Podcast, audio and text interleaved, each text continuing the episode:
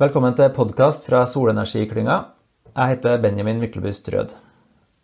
I dag skal vi snakke om flytende solenergiinstallasjoner, ofte kalt flytende sol. Og Første gangen jeg hørte om det, så tenkte jeg jaha, hva er potensialet for det? Har det noe for seg, eller er det bare unødvendig komplisert? Men eh, flytende sol er allerede installert eh, mange plasser i verden, og totalt sett så er det jo i gigawatt-størrelsen. Eh, og det er jo ikke så veldig mye sammenlignet med det totale solenergimarkedet, men det er i bratt vekst. Og Tidligere år kunne vi bl.a. lese om et flytende anlegg på 27 megawatt som ble installert i Nederland på en innsjø. Og det ene prosjektet er jo litt mer enn det totalt sett ble installert i Norge i 2018 f.eks. Men hva skal vi med det, og hva er potensialet, og hva er utfordringene? Eh, det har jeg med meg Børge Bjørneklett, som er gründer og CEO i Ocean Sun, i dag til å svare på. Velkommen, Børge. Takk for det. Ja, takk for at jeg får komme. Det er spennende. Eh, jeg har jo sett på LinkedIn at du har jo litt sånn eh, bakgrunn fra ulike energi- og fornybarsektorer. Kan du fortelle litt om deg sjøl først? Eh, ja, jeg er eh, sivilingeniør oppe fra Trondheim. Materialteknologi opprinnelig. Så har jeg jobbet litt ulike selskaper. Eh, var, lenge i Hydro, Norsk Hydro. Og mest med bildeler på det som heter Hydro Automotive. Og så begynte RSC Solar å bli stort. Det var vel rundt 2008, tror jeg. Og da var jeg teknologileder der uh, ute i Sandvika. Og da var det jo ja, ganske mange som drev med solenergi der. Jeg tror det var over 200 som jobbet der.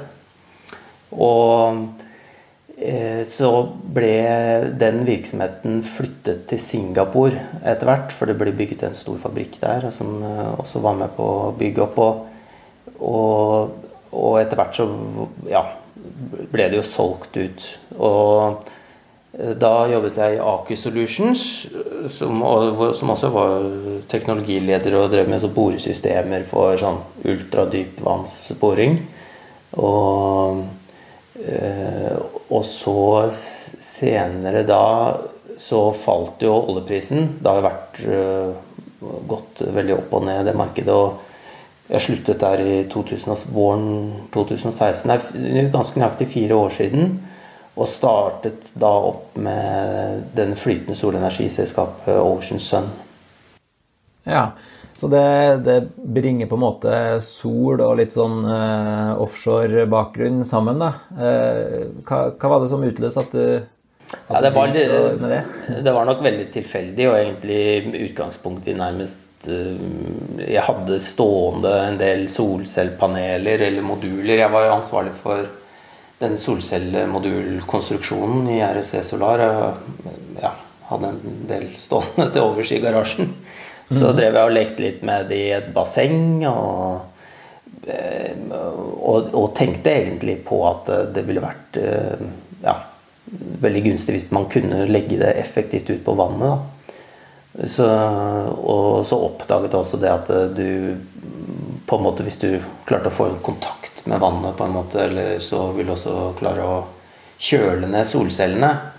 Sånn at du fikk opp virkningsgraden. Da. Og det er egentlig på en måte grunnlaget for mm, ja, faktisk det patentet i, eller, ja, patentene som vi har i Ocean i dag. Det er den her spesielle kombinasjonen av solcellemoduler og i termisk kontakt med vannet. Da.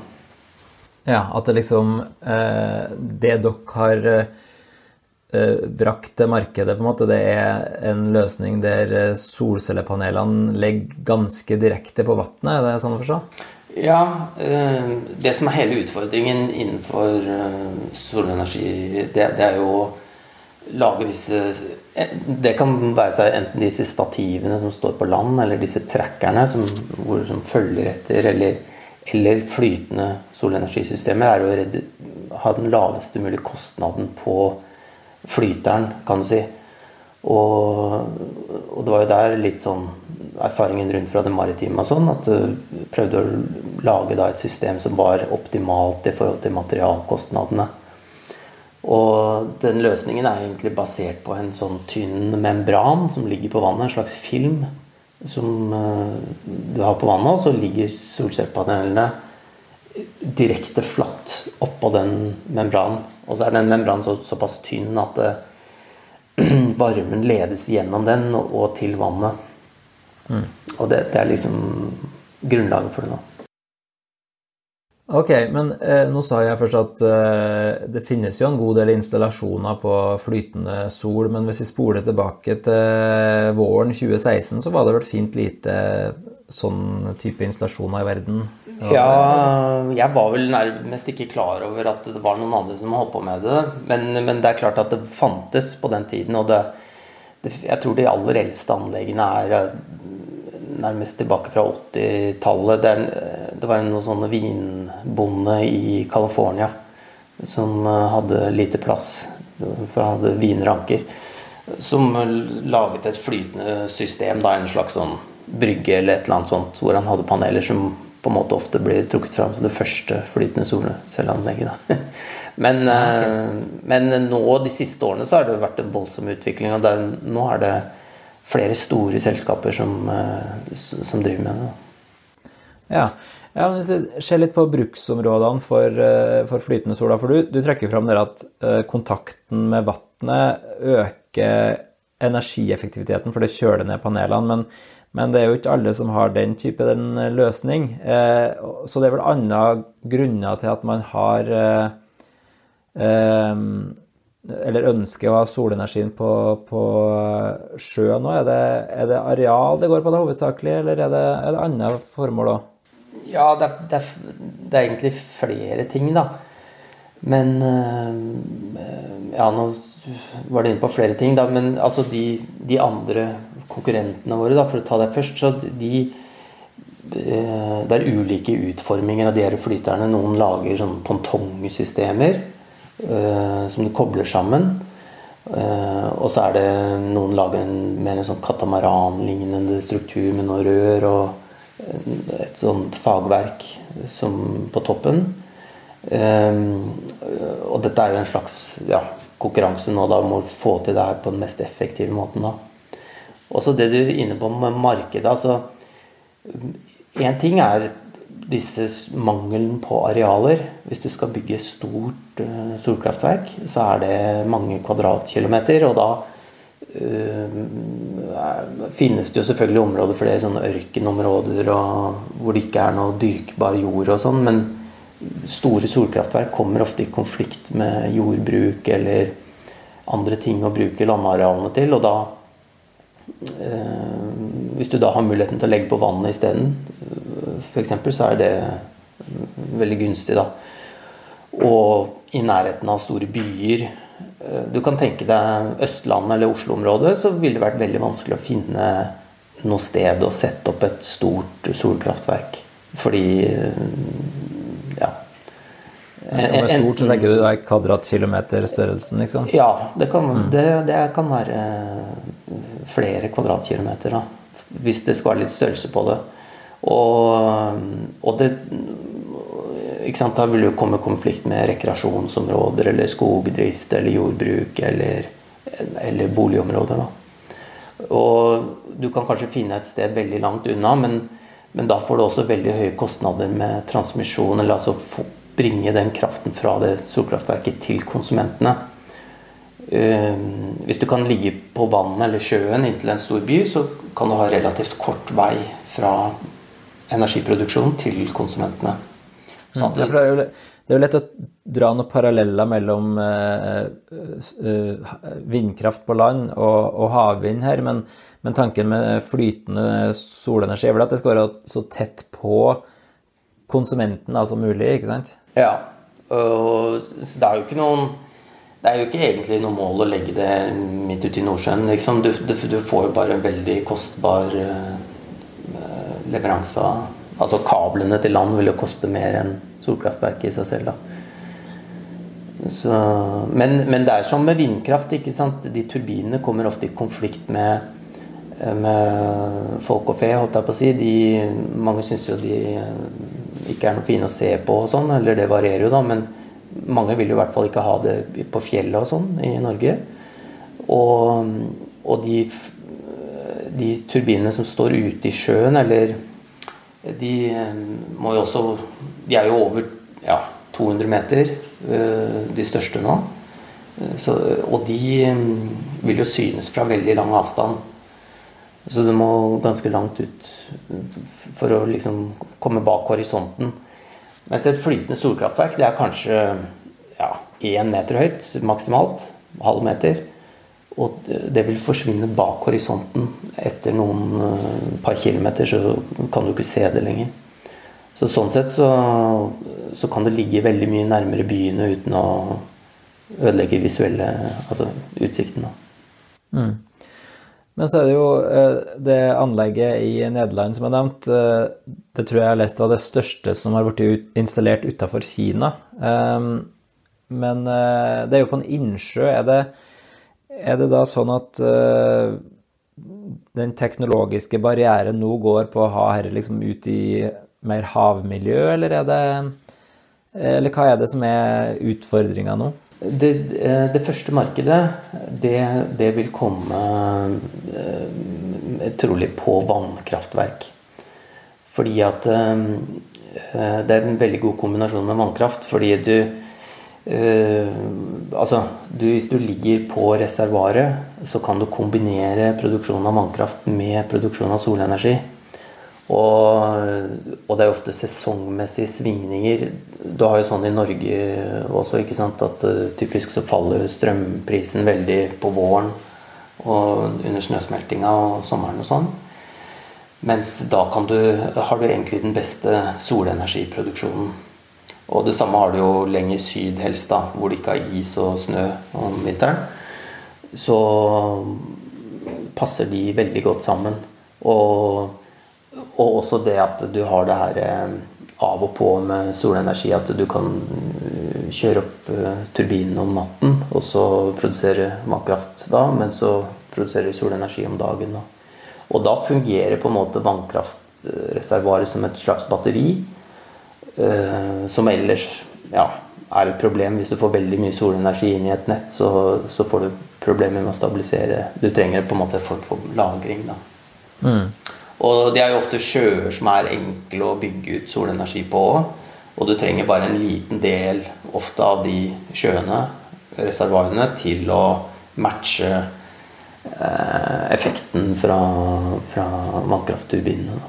Ta f.eks. verdens største vannkraftverk. Det, det der eh, Tree Gorges i Kina. Mm. Der tror jeg du trenger å dekke 25% av overflaten jeg husker ikke eksakt hvor mange Det er jo gigawatt uh, vannkraftverk.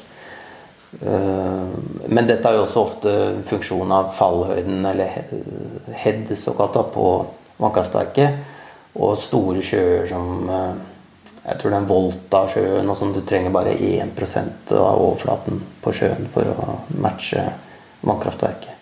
Ja, så tenker jeg altså at peak-effekt på solcelleanlegget skal være tilsvarende peak-effekt på vannkraft... Turbine, ja. Og et godt eksempel er i Sør-Amerika, Brasil. Så, så, er det jo store vannkraftverk innover i regnskogen i Amazonas der. Der er det jo ikke aktuelt å bygge, eller vanskelig i hvert fall, å bygge veldig store solkraftverk uten å hogge ned regnskogen. Så da kan du ligge på store sjøer eller vannkraftreservoarer inne i Brasil, og også levere strøm ut på nettet. F.eks. så strømprisene i Rio de svinger jo voldsomt. Når det regner i Amazonas, så, så er jo strømprisen ganske lav i Rio. Og så i, utenfor regnsesongen så stiger strømprisen ti ganger så høyt.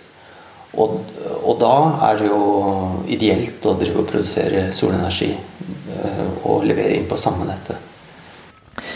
Men eh, hvis man eh, tenker seg på østkysten av Kina og sånne ting Du, du nevnte jo Var det Shanghai, eh, eller var det Singapore? Ja, i Singapore det jo, ser du jo veldig på det her. og og jo, da er jo arealene enorme. sånn at det, er en forsvinnende liten del av havoverflaten du trenger å dekke for å produsere veldig store mengder solenergi. Mm. Og det, på sjøen så, så danner det jo også delvis nye habitat, egentlig, for uh, mye nye fiskearter og sånn. Fordi de får uh, muligheten til å ja, gå inn i skyggen, og de kan gjemme seg for rovfugler etc. Så det, det, mm. skaper egentlig et mer variert eh, habitat. da.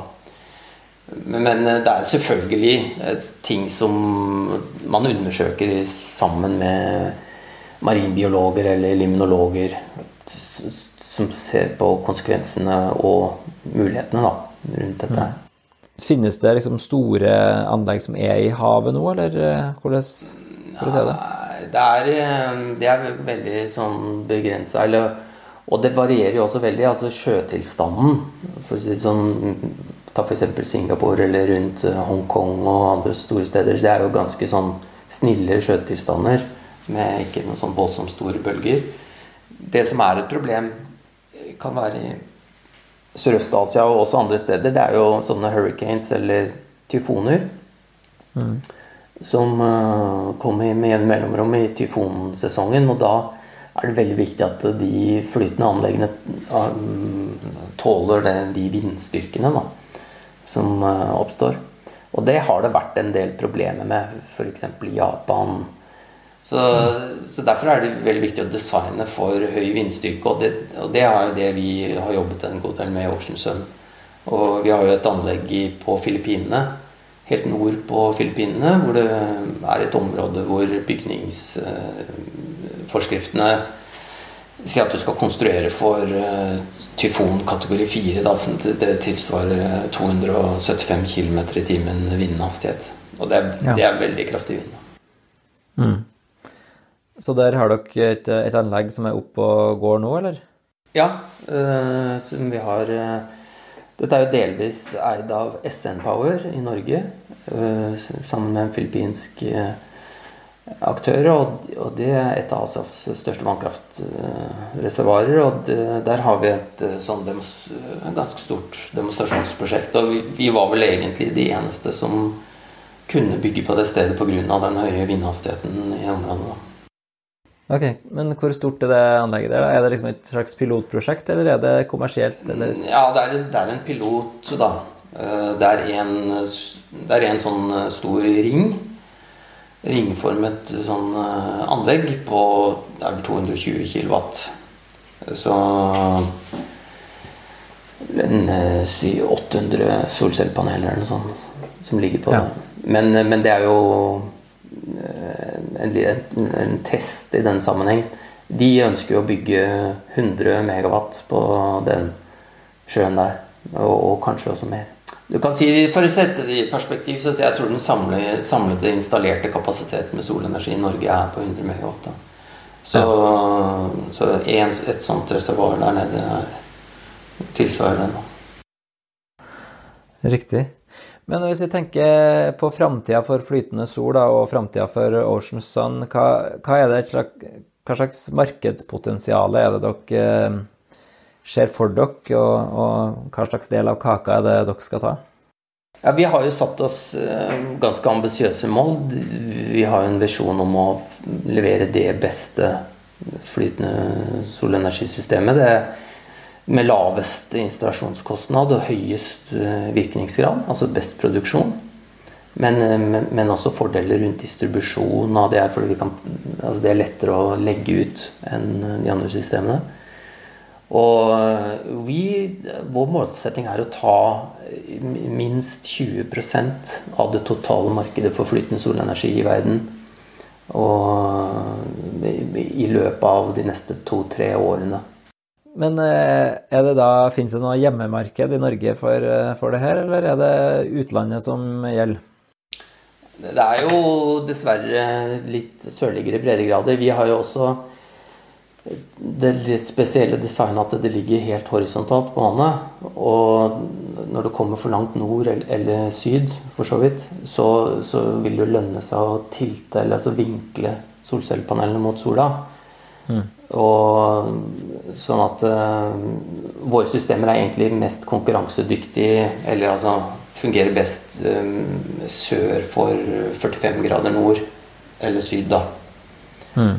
Og så du skal egentlig ned til Sør-Europa og sydover for uh, hvor, det, hvor liksom nedslagsfeltet vårt er. Da. Men det er jo også der det bor flest mennesker og sånn i verden. Da. Ja, det bor flest mennesker, de har mest behov for fornybar energi. Og... Ja, og så er det jo mye mer sol og sånn også.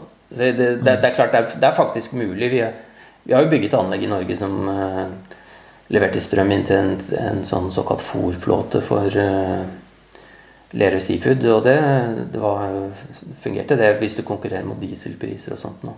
Men uh, Og det kan nok være regningssvarende å gjøre det i Norge, men, men det er såpass mye bedre hvis du går til et bra sted i la oss si Afrika f.eks., så er jo en sånn stort altså solkraftverk kan jo eh, nedbetales på to-tre år. Fordi det produserer så bra, da. Men hvis vi tenker nå på sant, Det er mye snakk om eh, krisepakker til næringslivet i Norge. Og, og, vi har jo mange i Norge som jobber innenfor eh, fiske eller oppdrettsnæring. Eh, havbruk generelt og, og, olje, og det er jo en del eh, maritime erfaringer der. Er det, er det, noe som norsk næringsliv er spesielt eh, egna for å eh, ta en ledende posisjon i, eller? Ja, det vil jeg si. Eller vi har, Norge har jo på en måte allerede gjort det kan du si, gjennom Norge er en vannkraftnasjon. Og det har jo vært en voldsom eksport av den teknologien ut rundt omkring i verden. Eh, mange som ikke kanskje er klar over, men Statkraft er jo det største fornybare energiselskapet i Europa. Og det er også SN Power, og de opererer jo vannkraftverk rundt omkring i hele verden. Og jeg tror hvis man kan kombinere det med eh, Det er også et betydelig teknologimiljø i Norge på solenergi. Altså hvis du kan kombinere disse teknologiene, så tror jeg det er et veldig, veldig stort potensial. Og det er også bra kunnskapsbase, relativt billige ingeniører i Norge. Så, så jeg tror vi er bra posisjonert. Men, men, at det selve anleggene skal bygges i Norge, eller for så vidt uh, sette i gang med produksjon av solcellepaneler og sånn, det, det tror jeg ikke man er så bra posisjonert til. Da. Men man har jo waferproduksjon, eller, altså, eller i hvert fall silisiumproduksjon. Det er jo eh, store virksomheter i Norge som driver med. Mm. Pga. at du har billig tilgang på, på kraft, og, men også rennende kaldt vann. Det er jo også en ressurs som man har veldig mye av i Norge. Riktig. Nei, men det er jo uh, veldig spennende at vi, vi, har i hvert fall kompetansen i Norge. Så får vi se hvordan vi skal klare å skape uh, masse jobber på det i Norge. Er det, er det en, uh, en, utfordring, eller? Nei, jeg tror det er veldig gode muligheter. For når vi, selv om i Ocean så er vi bare ti personer, men vi sysselsetter jo indirekte, kan du si, tett samarbeid med Institutt for energiteknikk, eh, Sintef, Ocean, eh, DNV GL, eh, Norner Innovation. Altså det er et sterkt spesialistmiljø innenfor polymermaterialer i Norge. Og, og ikke minst den posisjonen Norge har rundt finansiering altså Norfund, og, men, men, også altså kapitalbasen i Norge. Det er jo veldig sånn eh, utadvendt og, og, kan være med på å realisere det. Så det er mange mennesker innenfor finansnæringa sånn som uh, store muligheter innenfor det området her. Ja, det er jo en spennende eh, grein av solenergi verden? Jo, altså jeg tror det er veldig viktig. Altså, nå i dag så produseres det et eh, vanvittig antall med sånne solpaneler. Og ganske store. Og, og, og, det at eh, man skal sette de opp rundt omkring på områder Det, det er jo store konflikter oppstått allerede. F.eks. i India så er det jo store konflikter mellom solkraftverk og bønder som vil dyrke jorda og sånn. Så det at eh, det i større og større grad kommer ut på vannet og etter hvert kyst, langs kysten og havet, det er ganske sikkert. det, og det er en voldsom vekst i, i, den. Og det stiger mye brattere enn altså solenergi isolert sett. da. Så flytende solenergi kommer helt sikkert til å bli en, kanskje den viktigste pilaren innenfor det her i, i fremtiden. Da. Ja. Det er jo spennende framtidsutsikter for flytende sol. Så, men med det tror jeg jeg takker for uh, det her innblikket i flytende solmarkedet uh, i Norge og internasjonalt. Og så får jeg takke for innsatsen til deg, Børge Bjørnklett. Selv takk. Ja.